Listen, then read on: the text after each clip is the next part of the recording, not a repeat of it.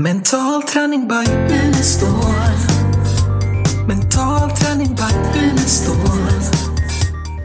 Hej och välkomna till podden Mental träning by Unestål. Idag ser det lite annorlunda ut här i poddstudion. Idag är Janne Alriksson här och eh, Lars-Erik, så de kommer att köra den här podden idag. Så sätt er till rätta och ha det så bra så länge. Mm. Tack för det. Ja, jag tycker det är väldigt både spännande och trevligt att ha dig här, Janne. Eh, med tanke på att vi har umgåtts i 40 år på olika sätt så eh, är du en av mina allra äldsta vänner, men också en arbetskamrat. Och vi har gjort väldigt mycket tillsammans och jag tänkte att du ska få berätta lite om ditt innehållsrika liv och också om vad du har gjort. Inte minst när det gäller mental träning. Du har varit en av eh, förgrundsgestalterna när det gäller att föra ut den mentala träningen, inte minst inom idrotten. Och jag tror att eh, det är över 90 stycken svenska mästare, Europamästare och världsmästare som du har haft i din i, eh, träning, i den mentala träningen. Så eh, det är inte många i Sverige, utom Stig Wiklund förstås, som kommer upp i de siffrorna när det gäller den effekt du har haft på mentala träningssidan. Men jag tänkte fråga dig först eh, lite, vad gjorde du innan vi träffades? För att när eh, vi träffades för 40 år sedan så det var ju innan den mentala träningen. Vad, vad sysslade du med då? Jag jobbade, eh, om du menar vad jag gjorde privat eller men jag jobbar med, med organisationsutveckling i olika former. Alltså.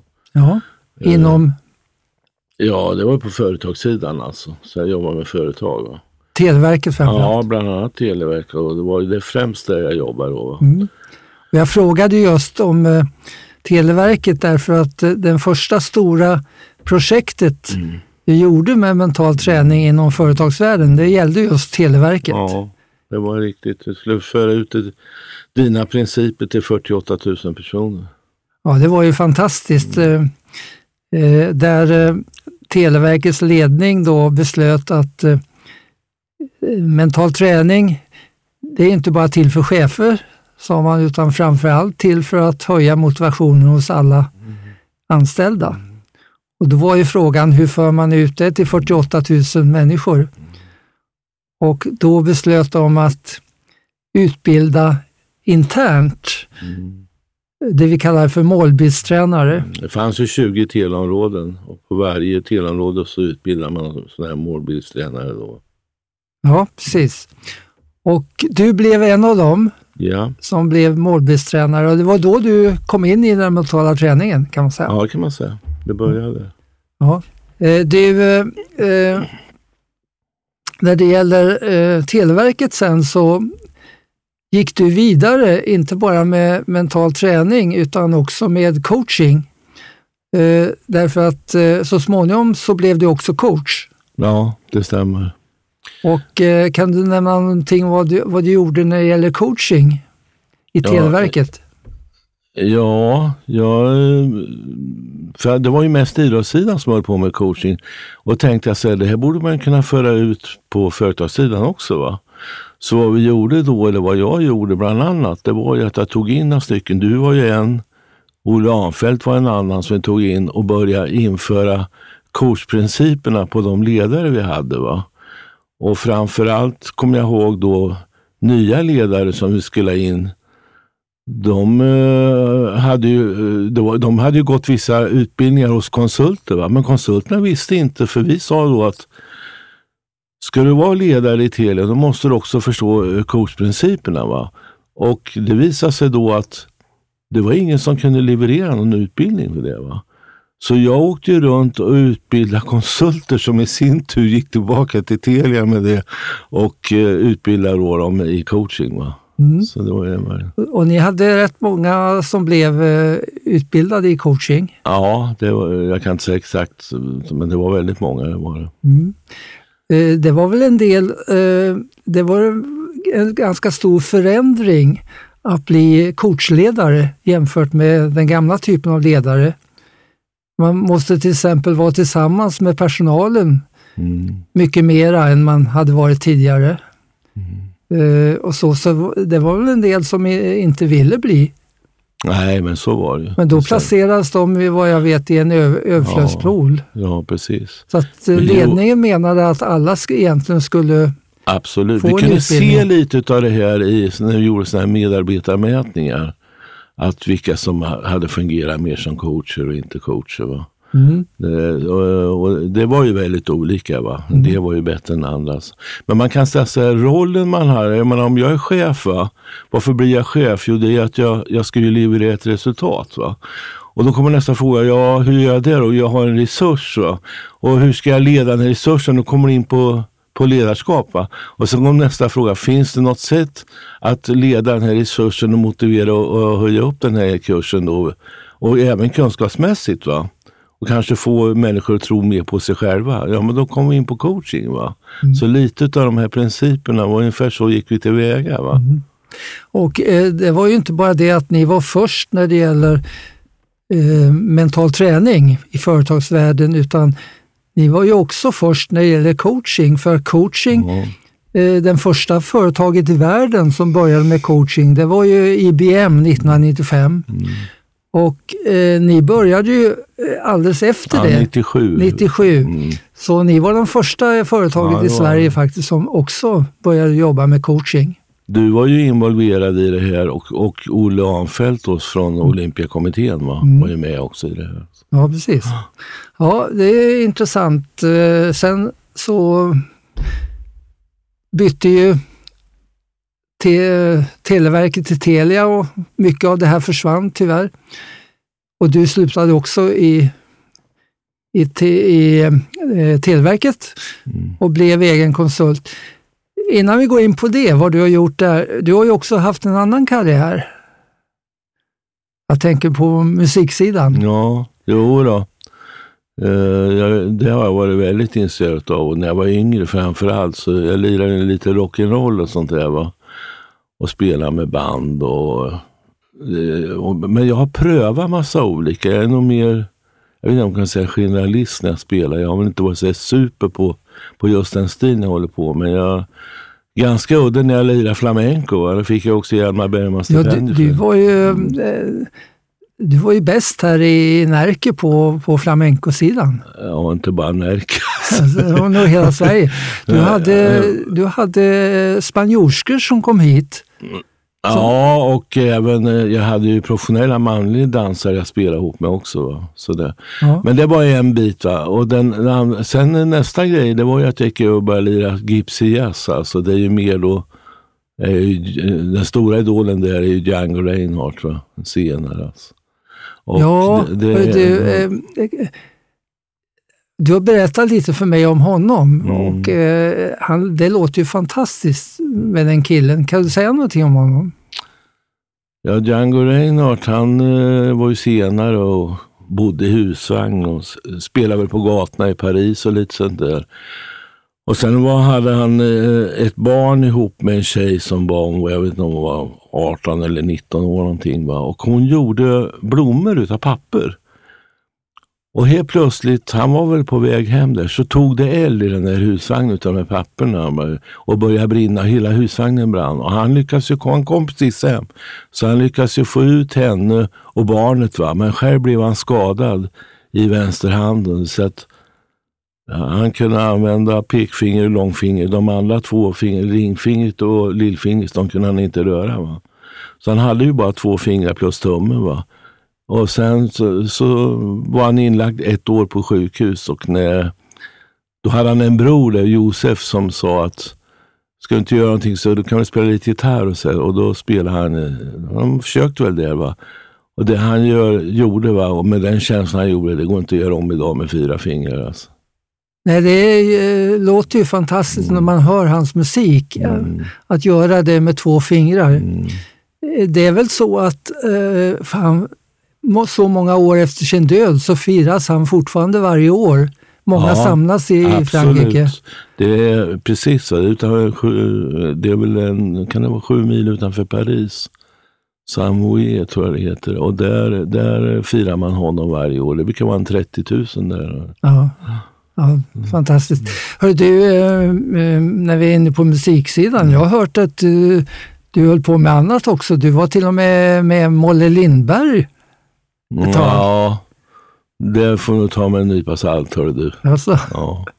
ja, nej men jag menar... eh, Men jag turnerar med, jag turnerar och turnerar med Rock-Olga spelar jag ihop med lite och olika. Och vi var, jag var med i ett band som hette The Cyclones va? och vi, ja, vi, vi gjorde turné i Finland och runt och lite sådär. Men det är ändå, det är bara ungdomsgrejer. Så att, men visst, det var kul med musik. Det tycker jag, det tycker jag fortfarande. Ja, du håller ju fortfarande väldigt mycket på. Mm. Din bror eh, är väl nästan, eller var väl, han dog för ett litet tag sedan, var väl nästan eh, en av Europas allra bästa på munspel. Ja, alltså inte bluesmanspelare, men om man tänker på country så var han absolut Sveriges bästa countrymanspelare. Va? Mm. Och säkert med hundratals inspelningar i olika sammanhang. Mm. Det är den ena. Sen har jag en annan bror som spelar trummor va? och eh, med det här Blues of Fame han med. Va? Mm. Alltså, han ute, så att det, det finns inom den här släkten, Mm. det här med musik. Va? Det gör det. alltså. Eh, Du hjälper ju mig med bokföringen varje år och eh, det är en del som säger, hur kan en musiker hålla på med bokföring? Är är det fråga om kreativ bokföring då? Men eh, det går att kombinera musiklivet och en sån sak som bokföring. Ja, jag vet inte. Ja, skämtsamt. Mm.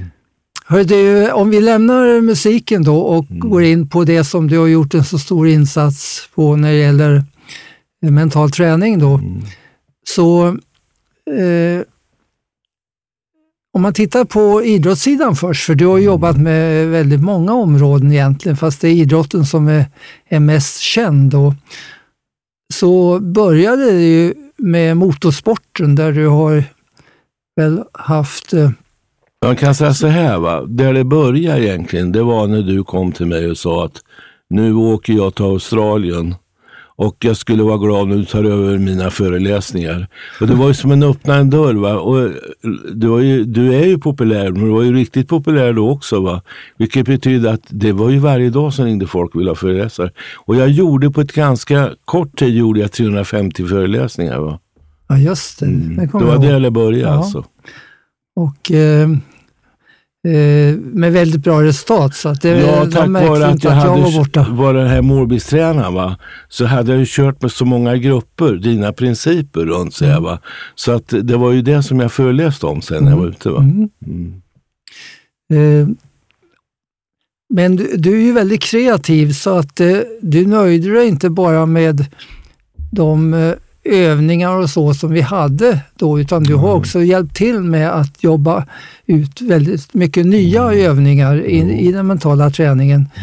Eh, och eh, vi kan ju titta på några av dem sen, men vi tittar först på, på de eh, du kom i kontakt med mo- mo- motorsporten. För Mm. ofta blir det ju så att när någon lyckas så tipsar den andra Mm. om att gå till honom eller henne. Eh, för det har jag haft väldigt stor hjälp med. Och en av de första var ju Ted Björk. Eh, och vi ska inte nämna så mycket namn här på dem du har jobbat med, men eh, Ted har så ofta framhävt dig i sina eh, intervjuer i, i massmedia. Så att eh, det är ingen hemlighet då att eh, han tycker att du är en väldigt viktig del i hans framgång som, som världsmästare och som svensk mästare och, och, och, och eh, så vidare. Eh, kan du nämna någonting om eh, hur, du, hur du jobbar med Ted Björk? Ja, Menar du hur jag jobbar nu eller hur jag startade när jag jobbar med Du kan nämna lite kort om, om hur du startade och hur du jobbar nu. Alltså oberoende om det är han eller någon annan så börjar jag ofta, kan man säga, första träffen jag har. För jag gjorde en femstegsraket när det gäller att jag, jag fick för mig att man behöver åtminstone fem steg för att komma någonstans. Och, Och i första steget så handlar det väldigt mycket om att ta reda på vad, är vad vill den här personen? Vad är det som gör att han är så fascinerad av motorsport? Och nästa fråga, vill han vinna? Och om han vill vinna, hur har han tänkt sig det? Alltså, så, så att jag hade en... Och varför? Ja, precis. Va? Och varför vill han vinna? Alltså? Och det, det, det resulterar i ett antal frågor som jag ställde upp då för att, för att komma mm. någonstans med det här. Va? Och då, i alla fall efter mycket om och men där, så, så kan man säga att jag hade en spes på, den här personen uppfattar jag, jag hoppas han också uppfattar sig och då fick de läsa själva. Eh, stämmer det jag sagt? Och en del sa så har jag verkligen sagt det? Ja, du sa det alltså. Jag har bara skrivit ner det. Jaha, oj, oj, oj. Så det blir väldigt skarpt läge i vissa sammanhang. Va?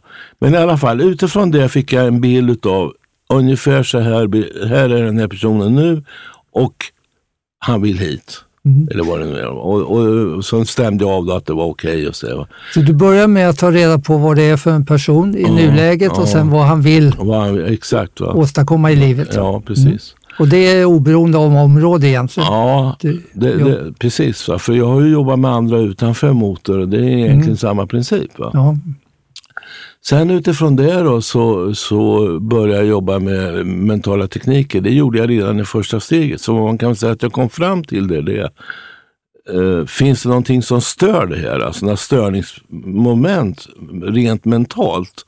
Och om det finns några sådana, kan vi minska ner dem då? Va? Så att jo, då, det, det kunde vara små grejer som de kom på som skulle kunna störa och så vidare. Va? Därför att jag ville ha dem rena när de skulle börja jobba mot framtiden på något sätt. Va? Och efter det sen så gick vi in och då kan man säga en mental övning var bland annat att se hur ska min framtid se ut? Mm. Men innan dess så har du kört lite av mental grundträning va? Ja, absolut. Den börjar absolut. du alltid med? Ja, det gör jag. Det är det första som mm. det börjar med. Va? Mm. Efter, efter det jag intervjuar dem vad de vill. Va? Uh, och sen så kanske jag kör en övning där för att mm, få bort om det är någonting som oroar sig. Men, men i stort sett så börjar det så. Va? Och sen så det här med kopplat till framtiden. Vad vill du med framtiden och så vidare. Va? Och då kunde man ju se på olika, om man tittar rent allmänt på en person, då kan man säga, det är ju tre områden, det har jag fått utav dig. Va? Det är, det här, eh, det vill säga, vad är det jag vill göra egentligen? Vad är, vad är det jag vill prestera någonting? Och det handlar ju relationer och det tredje hälsa. Va?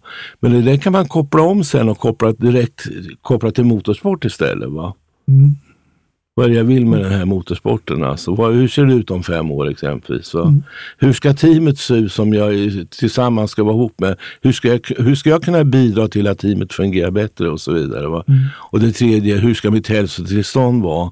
För det är ganska krävande att sitta i en bil runt 50-55 grader när man kör runt. Va? Mm. mm. Just det, sinnestillståndet då. Eh, det, det flytet som eh, den mentala träningen ger i, i det mentala rummet mm. innebär ju också till exempel eh, slow motion. Mm. Eh, alltså att tidsaspekterna försvinner mm. så att man kan uppleva farten i slow motion. Mm. Vilket det måste ju vara oerhört viktigt när man har, kör i flera hundra kilometer. Mm. Att kunna se, uppleva allting i slow motion, mm. eller? Det är ja, en viktig del. Abs absolut, absolut. Mm. Och det, det, betyder alltså att om, om du är väldigt, alltså om du kör väldigt intellektuellt, va? Då kommer, du, då kommer det att bli jättesvårt. Va? Utan du måste in i den här bubblan, alltså, mm. i flow som du säger. Va? Men om man tänker för mycket, då, ja, då stör ja, det. Mm. Och eh, om du nämnde Ted, va? det som är unikt med Ted är att han kör på känsla. Va? Mm. Och, och eh, vad innebär det till exempel? Eh, han kommer ju till dig inför varje viktigt lopp i mm. världen. Mm. Och vad gör ni då? Till exempel när ni förbereder för ett lopp? Ja, då, då om, jag tar kort med honom va, så om vi släpper lite på den här femstegsmodellen, så, så när han kommer till mig, va, jag har ju jobbat så mycket med honom, då, då, då kör vi det här med eh, hur ska det se ut det här loppet? Hur ska det gå och så vidare. Och det gör jag genom att han helt enkelt går in i tre olika rum. Och I första rummet han går in i, där finns det bara en, där har, finns det bara en stor platt TV. Och när han sätter sig där, när han tittar på den, då kommer han att se hela den här tävlingen han kommer att köra. Han kommer att köra kvalerna via tvn, han kommer att köra de tre loppen han ska köra racen. Va? De kommer han att köra och det går ju rätt så fort. Va? Uh, han kommer också att bli intervjuad. Va? Vad har du som inte de andra har exempelvis? Va? När, han har, när han kört det här på tvn, va? Då kommer jag att sätta honom som tredje person. Det säga att han sitter jämte tvn, han kan inte se tvn, men han ser Ted som i sin tur tittar på tv. Va? på sig själv, mm. hur han kör. Va? Och det, det han har ett oerhört fokus på just då, det är hur uppfattar jag mitt sinne? Hur ser jag ut när jag kör? Ser jag rädd ut? Ser jag glad ut? Ser jag förväntansfull ut? Hur ser jag ut? Va? Så han får den bilden av hur skulle jag vilja se ut när jag mm. tittar på mig själv och det går så här bra. Va? Mm. Uh, sen brukar vi, det brukar vi jobba lite med. Sen brukar vi gå in i rum två. Och i rum två, där flyttar han, förflyttar han bara tankar. Va? Det vill säga att han sitter och det finns två dörrar, en vänsterdörr och en högerdörr. Och så kommer vänsterdörren öppna och då skjuter det in tankar och det kan vara positiva tankar, vilket det ofta är med honom. Men det kan också vara någon negativ tanke. Det kan ha hänt någonting hemma eller det kan vara vad som helst. Va? Och vad han gör då, det är att han öppnar den högra dörren, skickar ut den negativa tanken, stänger igen, kollar, nu är det bara positiva tankar här inne. Va? Och sen kan han öppna vänsterdörren igen. Finns det någon mer negativ? Ja, vi har en till där den är. Okej, okay. så det är ett sätt att hantera. Och det tredje rummet han går in i, det kan man säga, det har han tre ramar. I första ramen, det är hur uppfattar jag mig stort? I andra ramen, hur uppfattar jag mig just nu? Inte hur det var igår, utan just nu. Va? Och i tredje ramen är det, hur skulle jag vilja uppfatta mig i framtiden? Va? Mm. Det här har ju också med en utveckling att ja, göra. Ja, det... Eh, men sen eh, vet jag att när du till exempel, en viktig sak är ju att läsa in banor oavsett vad det är för mm. Eh, motorsport. Och då har du en intressant teknik också när det gäller ja, att läsa in ja. eller visualisera mm. banan. Om vi tar det med bana då, så kan man säga så här att eh, alla, alla som kör försöker, om det inte är för långt, va, eh, banan, men om det är en ganska normal bana så går de runt banan och liksom bara kolla hur ser den ut? Jaha, där har vi en böj och så vidare. Va? Så visualisering? Ja, nu har ju, är du på den nivån som Ted är så har de ju simulatorer. Va? Så de har ju mm. kört den här banan i simulator. Va? De vet mm. precis hur den ser ut. Va? Mm. Men det, det, är ju en sak, va? att de vet hur banan ser ut. Men vad jag uh, har gjort då med Ted, det är att jag lyft upp den på 30 meter. Och så skapar han en bild av exakt hur ser banan ut på 30 meter. Va? Mm. Och sen går han ner från 30 meter till 10 meter. Och på 10 meter, det är ungefär ett tvåvåningshus, va? på den höjden så lägger han ut den optimala linjen som är 30 centimeter bred. Kan jag hålla den här linjen, då, kan inte, då kör jag absolut snabbast på den här banan. För jag, jag, han har ju erfarenhet av att köra bil. Va? Mm. Då vet han att håller jag den här linjen, då kommer det gå fortast. Va? Och så lägger han ut den linjen och när han gjort det, då går han ner på tre meter. Det är lite högre än vad det är upp till taket i det rummet.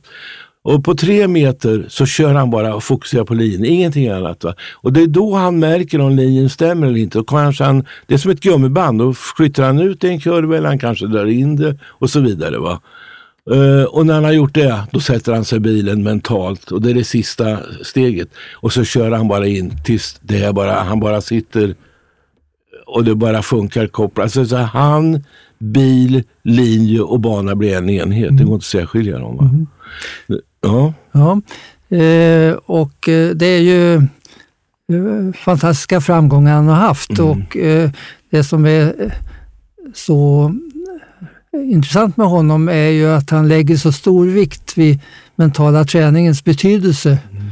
Och han har eh, framhävt det i väldigt många intervjuer. Då. Eh, men det här sättet att jobba, det har du använt i, i alla motorsporter. Mm. Du jobbar från allt ifrån Formel 1 till uh, olika motorcykel uh, races. Hur många, ja, man kan säga så hur många motorsporter är det som du har jobbat med? Om vi säger att det kan vara fyra eller fem olika. Du har cross, om vi tar MC-cross, supercross, eh, enduro, eh, speedway. Ja, super, ja, kanske fyra, fem på MC. Och bilsidan, mm. det har ju varit inne nästan i varenda typ som finns. Va? Olika. Mm. Från go-kart uppåt. Ja. Alltså. Och, eh... Men det som är intressant tycker jag, alltså, det är ju det här att okej, okay, låt oss säga att man gör det, allt det här med banan och alltihopa. Va? Mm. Och man blir ett med banan. Men sen kommer nästa fråga. Hur triggar jag igång det? Det vill säga, hur får jag min koncentration? Hur får jag mitt flow så att det här verkligen fungerar? Va? Ja, och då jobbar du med triggers. Ja, det gör jag. Det blir en väldigt mm. viktig del i ditt sätt att jobba på alla områden egentligen. Och hur, eh, ta exempel med trigger då, om vi, vi var inne på Ted och du kan ta honom som exempel. Mm. Hur jobbar han med triggers? Alltså vi har ju kommit fram till att tre saker som är viktigt för honom. Det är koncentration, fokusering, det är ett. Det har en bra självkänsla. Och det tredje, det är att må bra. Va? Mm. Så kan vi få de tre grejerna att äh, hänga ihop och lösa ut, va? Äh, då är det naturligtvis toppen. Va? Och då är det så här att oberoende hur bra jag är att köra i motorsporten så vet alla att kvalet, det är det absolut viktigaste. Det börjar där. Va? För är jag dålig i kvalet, då får jag så lång placering i startögonblicket så jag får stå så långt bak. Va? Så det blir jättesvårt att köra om, om jag vill köra om några bilar. Va? Så kvalet är jätteviktigt. Va? Uh, och då, uh, vad vi jobbar med då, det är helt enkelt bara att jag låter honom gå tillbaka tiden till han hade en, om jag nu tar exakt hur jag gör, va? gå tillbaka till tiden där han hade en, en bra koncentrationsförmåga. Men det räcker inte, utan grejen är också hur kändes det när du var koncentrerad? Kan du hitta känslan? Ladde? Och när han hittar känslan, då, då visar han eh, med, ja, med ett finger hur han, hur, när han är där och när han är i känslan. Då har jag tryckt på hans handled. Och det, han är, jävla eftersom han är högerhänt har jag lagt på hans vänstra handled. Va? Uh, och det kan jag göra då två eller tre gånger efter varandra för att förstärka upp det. Va? Numera gör han det själv, så jag behöver inte göra det. Utan det bara räcker att jag säger att gå tillbaka till en situation, du har koncentrerad, fokuserad och när han är där, då trycker han själv på, på sin vänstra handled. Va? Och så framkallar han det genom att trycka i själva tävlingsögonblicket. Ja, och sen, det är det. Och sen självkänsla, det är samma. Gå tillbaka till situationen och hade en bra känsla kopplat till dig mm. själv. Det behöver inte vara kopplat till prestation utan du hade en bra känsla kopplat till dig själv. Va? Och då har han en annan den, trigger? Ja, nej, den ligger på samma ställe. Samma, va? Och det tredje, det är gå tillbaka till en situation där du mådde väldigt bra. Va? Mm. Och du hittar den känslan, tycker du det. Sen när han står i, när han kör i kvalet innan han går ut, va? då har jag lagt också en trigger för kval. Va? Den är unik för kval alltså. Mm. Så, och vad han gör då det är att han spänner sitt... Jag låter bara gå tillbaka till situationen du gjorde ett bra kval. Mm. In i känslan, hur kändes det då? Och när du hittar den, då bryter han sitt vänstra lillfinger lite bakåt där bara. Va? Mm. Så det gäller kval. Så när, när han ut sen, du vet de kör ju bara ett par varv när det gäller kval. Va? Ska, efter två varv ska de ju sätta en, en jättebra kvaltid. Innan han går ut, då gör han så och sen trycker han tre gånger på handleden. Alltså han bryter vänster lillfinger, trycker tre gånger på handleden. Så åker han ut och kör bara. Mm. Sen när, det, när själva racet går, race 1 då, va, då har han kanske en bra, hyfsat bra placering utifrån kvalet. Då, då löser han bara ut triggersen tre gånger på handleden. En, två, tre. Sen bara han fokuserar köra. Mm. Och det här med triggers, det använder du i alla sammanhang då? Ja, även, kan man även säga, folk som mår dåligt. Utanför och, ja. eh, idrott. När det gäller idrott förresten så har du inte bara jobbat med motorsporten utan med många andra idrotter också. Och jag vet att till exempel inom golf så har du varit eh, eh ja. väldigt bra framgångar. Utan att nämna namn så att, har du fått hjälpt eh, de som nästan varit nybörjare upp till Sverigeeliten i alla fall. Ja. Och det... du jobbar på samma sätt där? Ja, fast det är lite andra principer där. Det är ju mer då Principen är ju, inläsningen är densamma ungefär som en racingbana. Va? Men alltså, om, man, om man tar väldigt kort nu då med golfen va? så är det så att där, där uh, ser man ju då ba, uh, hål kallar man ju det för. Va? Hål 1 exempelvis, så ser man hela den och då eh, går man ner kanske på 10 meter eller 7-8 meter och sen så lägger man ut den opt optimala linjen. Hur ska jag gå? Jo, jag ska gå från utslagsplats till punkt 1, ska jag gå från, och sen ska jag till punkt 2, punkt 3, då är jag på green och sen ska jag ner i koppen. Då, va? Och då lägger de ut den här banan. Men skillnaden här det är ju sen att jag förflyttar dem så de ställer sig alltså vid punkt ett själva. Mentalt står de där. Och sen tittar de på den som står vid utslagsplatsen och det är ju de själva som står där. Och så ser de bara hur svingen går och hur bollen kommer och hamnar exakt vid fötterna. Där de står. Där de står det, eh, det är intressant för att eh, det som har varit tradition ända sedan mm. mentala träning kom in i golfen, det har ju varit tvärtom. Att, mm. Eh, att man innan man slår eller puttar så visualiserar man mm. mm. var bollen ska gå mm. och, och tittar på nedslagsplatsen då. Men eh, du är den enda som jag vet i, i världen som har vänt på det här och istället så får man stå där bollen ska hamna ja, och, och det... se, se sig själv slå. Och när man ser sig själv uh, och slå, gör den här svingen och det hamnar exempel i bollen, bollen när man står, då går ju svingen i verkligheten. Va? Ja. Så att, och det är märkligt att de säger, ja det är helt sanslöst säger en del. Längsta den har varit ifrån mig där jag stått, det har varit kanske två och en halv meter. Två meter. Mm. Och, och, så de får en väldig träffsäkerhet hela vägen. Va? Ja, ja det är jätteintressant. Mm. Eh, och det här med att du har hittat en del eh, nya saker och till, tillämpar den mentala träningen på. Mm. Eh, det har du gjort på må många områden och jag tänkte vi kunde ta något område som inte har med idrott att göra då. Och ett område som jag vet att du har jobbat en del med nu, sista året i alla fall, det har varit ångest. Ja. Uh, jag jobbar ner med musiker också, vi ska snacka om det. Va? Ja, uh, tittar man prestation så är ju mu musiken ditt område ja, egentligen. Så det, det, är klart att uh, du har jobbat både med musiker och sångare på ett bra sätt. Jag vet att vi hade ju vi hade ju en del projekt med eh, Operahögskolan i Stockholm som var här i Örebro eh, och en del andra sådana projekt där du var med.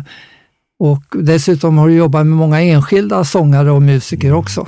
Är det någon skillnad eh, där mellan det och idrotten? Alltså, om man, det många har problem med, det är scenskräck. Mm. Det är väldigt vanligt alltså. Det kan man inte tro, men det är det faktiskt. Det finns en del så här, jag håller på 20-25 år och, mm. och liksom är musiker eller artist eller vad det är. Va? Och lika förbaskat så har jag som scenskräck innan jag går ut. Va? Mm. Du har ju själv jobbat med folk som har scenskräck. Jag tänkte på, eh, var det inte Krok eller som du hade jobbat med? Ja, utan att nämna namn så mm. även eh, våran bäst kända skådespelare och eh, har ibland talat mm. om att eh, de kan känna så innan de går in på scenen. Mm. Det är sant. Eh, ja. Så det har du jobbat med scenskräcken då. Mm. Sen finns det väl en sak i musiken och i sången som eh, också är intressant utifrån den mentala träningen och det är att eh, de som är duktiga, de har någonting mera än bara den tekniska skickligheten. Eh, det kan man träna in på vanligt sätt på Musikhögskolan och så vidare. Men eh, det, eh, det som kommer till och som gör storheten, mm. det är någonting som är mycket svårare att fånga än det rent tekniska. Svår att definiera. Alltså. Ja, och eh, eh, både Kjell Fageus som har skrivit en bok mm. om mental träning på det området, han är väl ensam i världen om det, och du har ju försökt att fånga då också det här som är så svårt att säga om mm. vad det är för någonting. Det är som Rubinstein sa att det är, det är pausen mellan tonerna som mm. avgör vem som är stor konstnär.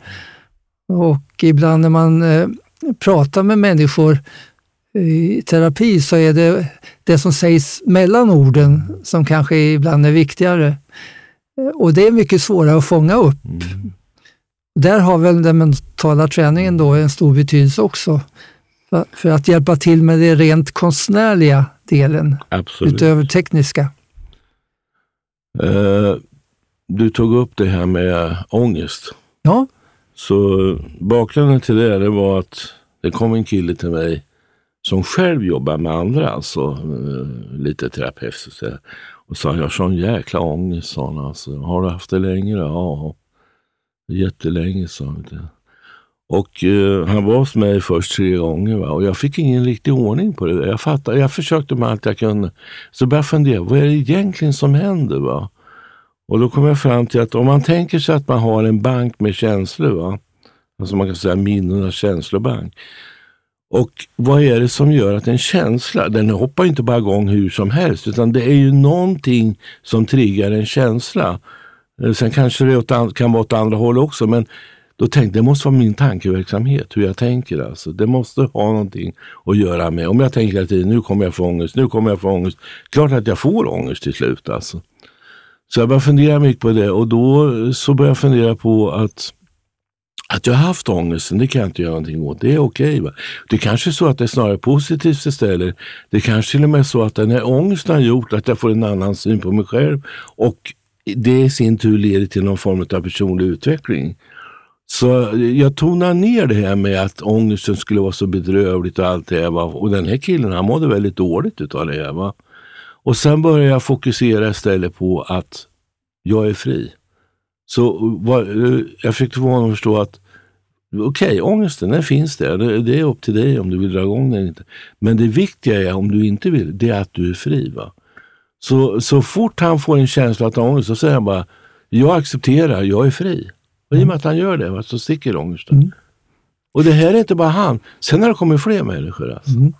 Ja, det är intressant för att eh, eh, vi vet ju det att eh, själva rädslan för ångesten kanske är, är, det, Mm. är det värsta. Och att eh, bara det här med acceptans är en, viktig del att g- gå vidare. Och att sen bryta kopplingen mellan eh, tanke och känsla. Eh, Det är ju det är inte, i en negativ tanke så är det ju inte tanken som är negativ utan det är känslan som uppstår av tanken som är negativ. Så kan man bryta kopplingen mellan tankar och känsla eh, så då är det lättare att både acceptera och observera eh, det som förut var negativt utan att det orsakar en negativ reaktion. Så att det är intressant. Just det här med att hitta nya eh, vad säga, modell, inte modeller men övningar har du varit bra på. Och, eh, eh, när det gäller då till exempel eh, saker man vill göra sig av med tankemässigt eller annat. eh, Du har en massa övningar. En har med vad är det, japanska tåget eller båten Ja, eller Alltså, du har vara... berättat om så många, så men kan du ta någon av dem där, vad du gör? Ja, Du, vad jag förstår så, ta, så, så försöker du ta ett problem och göra det konkret för att sen kunna göra någonting åt problemet som ofta är ganska abstrakt. Kan du ta någon sån övning bara som exempel? Ja, det finns ju många övningar det ska inte jag säga att det är bara är jag. Det kan vara så att jag hittar vissa övningar samma. Sen kanske man formulerar om dem så det passar mig. va. Men jag vet inte vad jag ska ta för någonting. Jag kan ta en, en Mm. övning som jag tycker är... Jag tror att den kommer från NLP-sidan. Jag är inte säker, men jag tror det. Det är ju den här att man tänker, alla har ju i något sammanhang ligga på en strand, eller hur? Va? Man ligger på en strand och solen kanske bränner eller i någon, någon badplats någonstans. Och i och med att man ligger på en strand, då finns det troligtvis en sjö eller ett hav.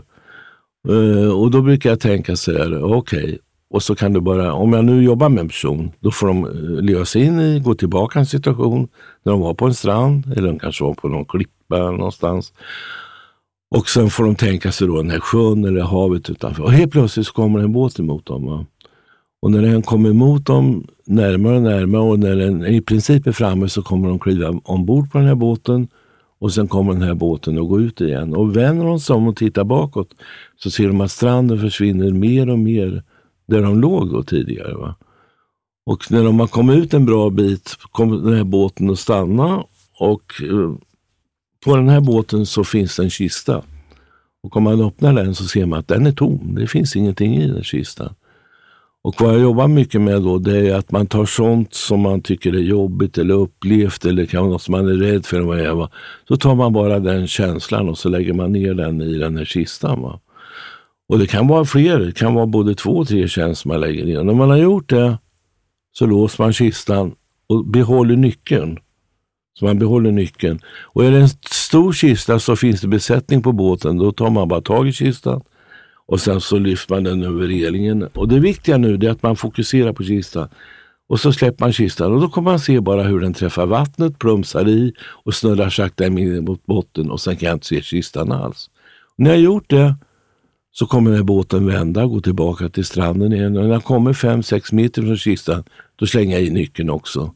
Då kommer jag se hur den plumsar i vattnet och hur den snurrar ner. Mm. Eh, och sen kommer den gå tillbaka till, till stranden, det kommer jag kliva av. Va?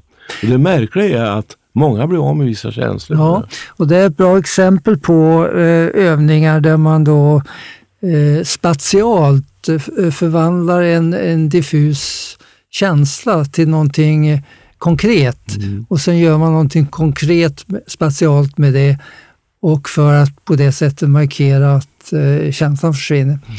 Och det, det låter eh, så enkelt och ändå kan det vara så effektivt med sådana här övningar som man får, får träna. Mm. Eh, du, eh, du har gjort så mycket så att det är svårt att hinna med på så här kort stund. Men eh, ska vi ta också företagssidan? Jag vet att både konsulter och företagsledare söker dig för att få hjälp med sina företag.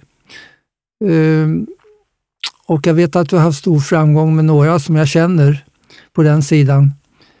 Vad är det du lär ut då? då? Ja, då kan man säga så här att ehm, jag brukar köra, nu, det tar lite tid, men jag brukar köra en niopunktsmodell alltså i företaget. Det är nio punkter som man går igenom. Och går man igenom de punkterna då kommer man förstå att här har vi vissa problem. Va? Eh, men det, och det är, kan man säga, företaget i stort. Va? Men om, om, något som, om jag säger något exempel som jag börjar med det är att eh, om det är exempelvis, låt oss säga att det är, kan vara tio ledare eller kanske tolv ledare eller vad det nu är i det företaget. Då. För jag börjar alltid med ledningen. Va? Så delar jag upp dem i, ofta i tre grupper eller något sånt. Eller kanske blir då fyra i varje grupp om det är tre grupper. Och när de har gjort det, då kommer de att få en, ett eh, papper som jag har gjort där det står tio påståenden. Va? Och de här tio påståendena, de, eh, är ju, då ska jag försöka... Eh, för det första, om jag, om, jag kan, om jag förstår de här tio, jag skriver ner dem, så ska jag försöka plocka ihop då de som jag tycker är viktigast av de här påståendena. Och de ska gå och göra, de ska vara sannolika, de ska gå att göra samtidigt. Och det får inte vara något flum utan det är liksom principen att de är sannolika och att de går att göra samtidigt. Och de ska skrivas i presens. Och då, till, då, då till exempel om den första, första påståendet är uh, Eh, fungerar våra tjänster exempelvis, va? om vi har tjänster. Va? Eh, ja, hur är det med det? Gör det det? Nej. Hur skulle det se ut istället då? Det. Bla, bla, bla. Så här går de igenom då, påståenden. Och sen plockar de ihop tre. Och när de har gjort det, tre, fyra påståenden, så de ser de här går att göra samtidigt, va? då kommer bilden. alltså. Mm. Och sen är det kul att se då när tre stycken grupper kommer in och redovisar hur jäkla olika uppfattningar de har av vad de trodde var framtiden de höll på med. Va? Mm. Och då kommer den här toppledaren och säger, men kära någon, det här har vi pratat så mycket om. Vad är det här alltså? Och sen kommer jag bygga ihop då, hur ska det se ut optimalt i den här gruppen när vi mm. tillsammans har exakt samma uppfattning om vad vi vill åstadkomma va? och hur det ska se ut. Alltså. Det här är ju eh, exempel då när vi jobbar med grupper och teambuilding mm. mm. eh, där den mentala träningen kommer in. Eh, och det gäller väl också när du jobbar med enskilda. Vi vet att du jobbar också med enskilda eh, konsulter och, och så. Mm. Så är det den mentala delen som du jobbar med eh, och som gör att eh, man kan säga att allt det du jobbar med och den effekter du har, har med just att jobba just med den mentala delen Absolut. hos en människa. Ja, det är det. Ja. Eh, ja, ja eh, dess, Men, men alltså jag har en prins, jag är ingen teoretiker, va? det kan jag säga direkt. Va? Utan jag tror att jag är mer praktisk, det vill säga att jag vill se resultat. Alltså. Mm, mm. Jo, och eh, du säger ju ofta att, eh, och jag har ju sagt till dig också, jag är väldigt glad för att du har översatt eh, mycket av till exempel det jag har skrivit mera teoretiskt i, i praktiska övningar som ger effekt. Så att därför har det varit eh, jättebra att ha dig som en utvecklare på den just eh, tillämpningssidan. Eh, och eh, det gör ju då att det du gör får en så eh, bra effekt. Och Det gör ju också att eh, det är många som söker dig nu. Jag vet att jag får säga nej nu eftersom du har så väldigt många som söker dig. Eh, inte bara av de som behöver hjälp, utan de som vill lära sig ditt sätt att jobba. Så jag vet att du har många av eh, konsulter och andra och även med, med andra mentala tränare som har velat ha din hjälp för att eh, jobba fram sådana här praktiska metoder som du har Ja, berättat men om man om. går tillbaka, som man säger, om man säger i stora block, va? det är ju att ta reda på en person. Vad vill du egentligen? Alltså, vad är det handlar om? Vad skulle vara önskvärt för dig? Vad skulle du, hur skulle du vilja fungera? Va? Det är det ena. Och det andra är då att försöka skärma av de här rädslorna som finns, eller vad det nu är för någonting. Va? Det kan ju vara allt med himmel och jord. Eh, och det tredje då, det, är, det som jag jobbar ganska mycket med, det är alltså jag förstär, hur förstärker jag upp mitt jag? Va? Mm. Och det andra är egoboost, det vill säga hur får jag hur, hur får jag en annan koppling till mitt sätt att tänka på mig själv? Va? Mm. Men just eh, de här eh, praktiska övningarna Mm. med triggers och annat, det gör ju att man för över teorin till praktisk Mm. handling. Exakt. Och eh, de som eh, jobbar med dig och med, med oss andra som har med mental träning blir ju ofta förvånade hur sådana här enkla grejer ändå kan ha den här effekten. Det är så. Ja, Janne, det var väldigt Mm. kul att ha dig här och eh, Trevligt att vara här. vi önskar att eh, du får fortsätta under många år framåt och, Mm. och eh, utveckla den mentala träningen och hjälpa människor. Okej. Tack ska du ha. Tack ska du ha själv. Mental träning by Unestål. Mental träning by Unestål. Mental träning by Unestål. Mental träning by Unestål. Amen.